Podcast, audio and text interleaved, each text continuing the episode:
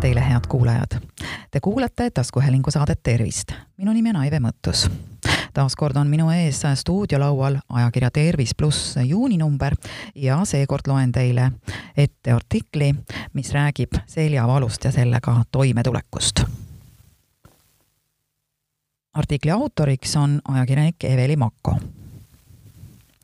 kodukontoris ebamugaval toolil istumisest niigi piinatud selg on saanud juba paljudel vatti ka aiatöid tehes.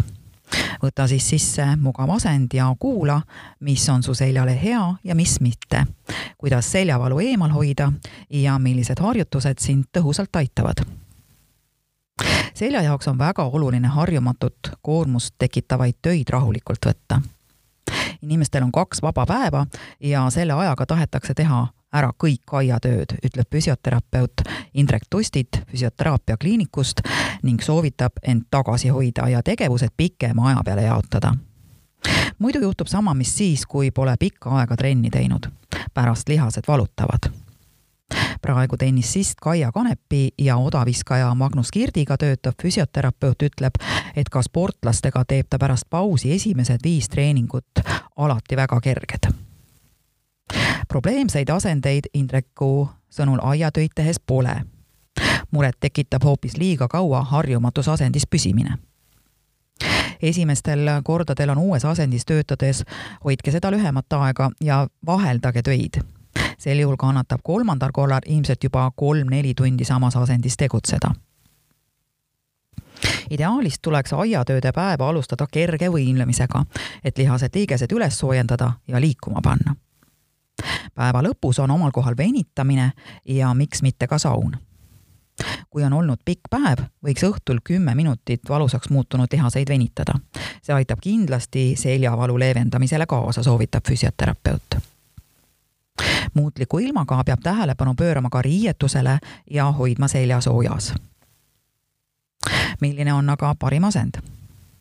füsioterapeudi sõnul põhjustab seljavaevusi üldiselt kolm puudujääki lihaste nõrkus, düsbalanss ja jäikus koos lülisamba liigeste vähese liikuvusega. Nendele aitab kaasa istuv eluviis ja vähene liikumine. kui inimesed teeksid oma suure istumise juures piisavalt harjutusi või käiksid päevas kas või tund-poolteist trennis või jalutamas, päästaks see juba päris palju, tõdev Indrek istudes ei paigutu raskuskese diskide suhtes mitte kõige soodsamalt, mistõttu langeb neile suurem koormus. samuti on niude nimme lihas ehk niinimetatud puusa painutaja istudes pidevalt lühenenud asendis.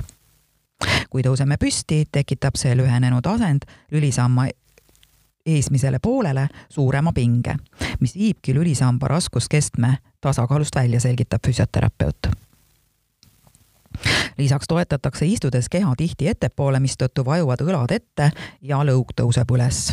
seegi tekitab pingeid kaelas, turjas ja rinnakus olukorra leevendamiseks võiks teha iga tunni aja tagant kergeid õla, pea ja käteringe.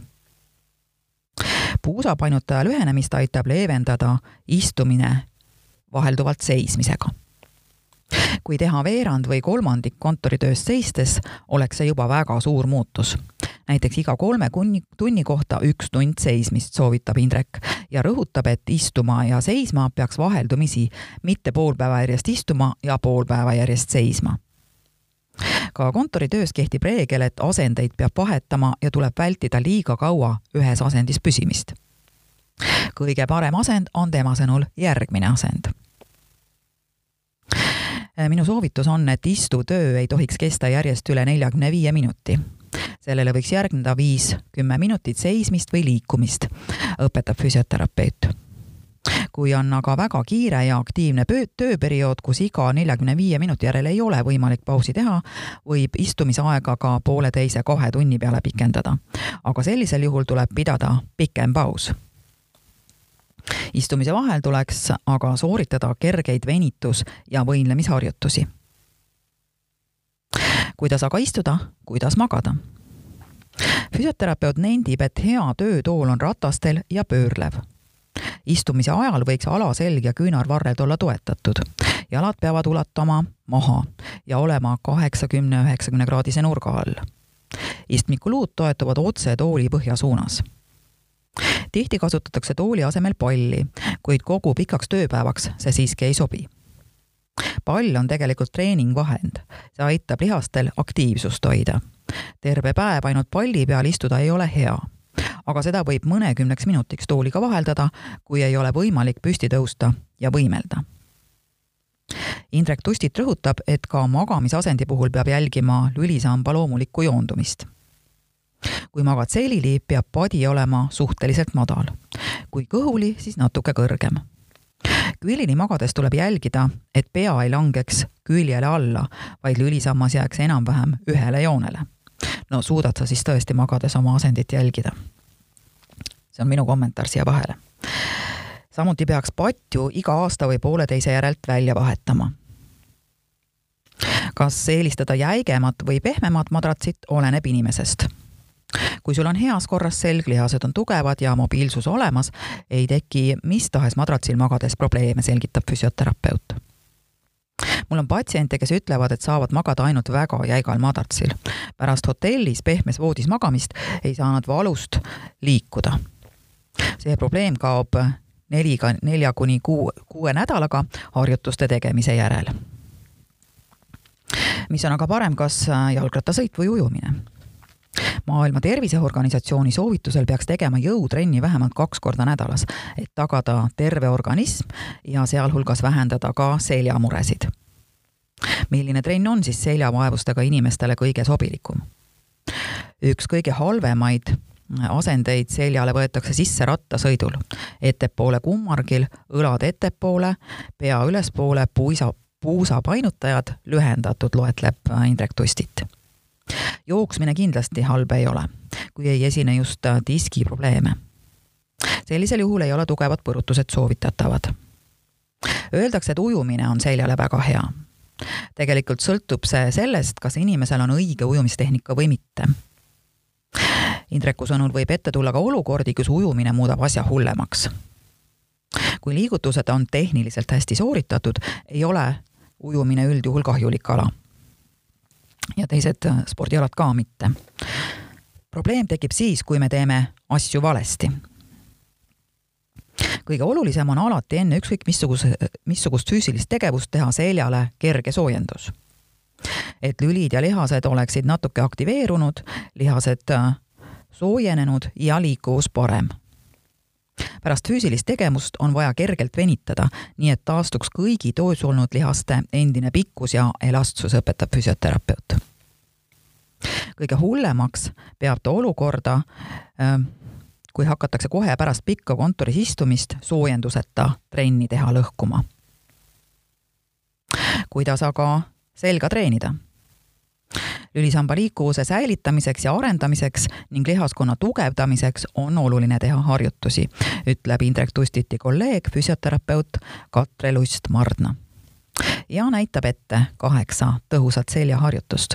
see ongi muide asi, mille pärast ma soovitan teil ajakirja Tervis pluss juuninumbrit ka lugeda, sest need kaheksa harjutust on siin kolmel leheküljel ilusti piltidega teie ette toodud, saate järgi teha lihastreeningust on kasu, kui teha harjutusi kolm seeriat treenitava lihasgrupi väsimiseni. kindlasti tasub ka väikese seljavaluga käia iga päev kõndimas.